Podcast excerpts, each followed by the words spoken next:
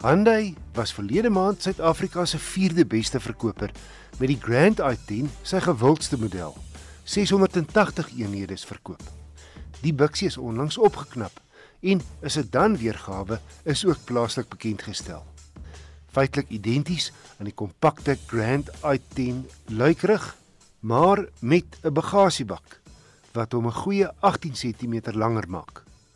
Die sedan kom net in die deftiger vlootafwerking met 'n 1.2 liter waar die luikerig ook goedkoper Motion en 1000cc modelle bied. Ek het die sedan 5-spoed handrat gery teen R280 000. Voorlangs het die Grand i10 vriendelike bakkies en duidelike hoofletter L-vormige dagryligte. Netjiese 15 duim alloy wiele met 'n diamantgesnyde patroon maar agterlangs is die sy profiel nogal onsamehangend. Die agterdeure se lyn loop na bo, dis nou sterk se kant toe, maar dan loop die kattebak weer geleidelik na onder. Wel prakties, dis dan gee by komende 42 liter pakplek. 'n Ruim 402 liter teenoor die luikerig se 360. Verder Veilige pakplek is maar altyd 'n kwessie in Suid-Afrika en 'n luikerig met 'n groot glasarea is 'n maklike teiken vir diewe. 'n Sedan bied egter 'n laairuim van metaal wat beter sekuriteit bied. Vandaar verhuuringsgroepe se behoefte aan sedans.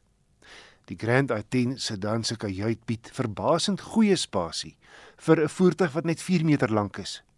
En die paneelbord is netjies afgewerk met rooi aksentlyne op plekke en die raakskerm werk maklik met sy groot ikone. Die vloot is ook heel goed toegerus. Elektriese vensters, ligversorging met liggate vir die agterste passasiers, togbeheer, outomatiese ligte, 'n multifunksionele leerstuur, USB sokke voor en agter en jy kan jou slimfoon koordloos met die klankstelsel koppel. Die kanspieels kan ook verhit en vou weg wanneer jy sluit veiligheidskenmerke, parkeersensors agter en 'n trikamera, maar net twee ligsakke voor en eienaardig geen elektroniese stabiliteitsbeheer nie. Ook net 'n skootgordel vir die passasier agter in die middel. Die 1.2 lewer 61 kW en 114 Nm en verrigting is billik vir die klas ryding. My verbruik met gemengde ryery was 'n indrukwekkende 6,1 liter per 100 km. En boonop voel die Hyundai lekker stewig op die lang pad. Die bestuurservaring is boogemiddeld goed vir die klas met 'n ligte koppelaar en kontroles en 'n aangename rataksie.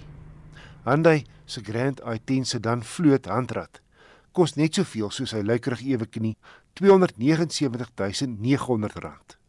En hoewel die luikerig 'n beter gebalanseerde voorkoms het, maak hy se dan sin vir diegene wat 'n groot veiliger kattebak verlang. 5 maande gelede het ek Ford se nuwe Everest Platinum 3 liter V6 turbo diesel geëvalueer en baie beïndruk weggestap. Maar nie baie Suid-Afrikaners kan die topmodel van 1,168 miljoen rand bekostig nie. Onder die Platinum kry jy die Wildtrak ook met die V6 en dan Sport en XLT modelle met die 2 liter diesel met 2 turbo aanjaars. 154 kW en 500 Nm gekoppel aan 'n 10-spoed outomaties.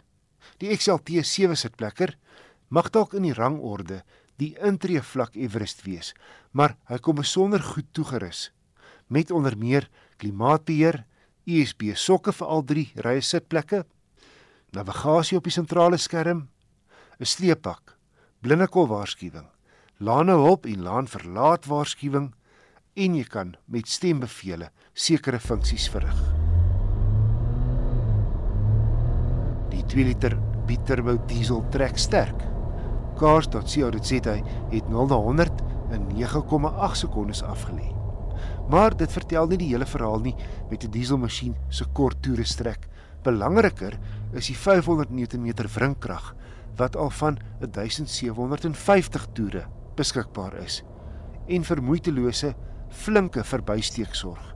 Verbruik op my gekombineerde stad en ooppadroete was 9,4 liter per 100 km teenoor die V6 se 10,7 destyds.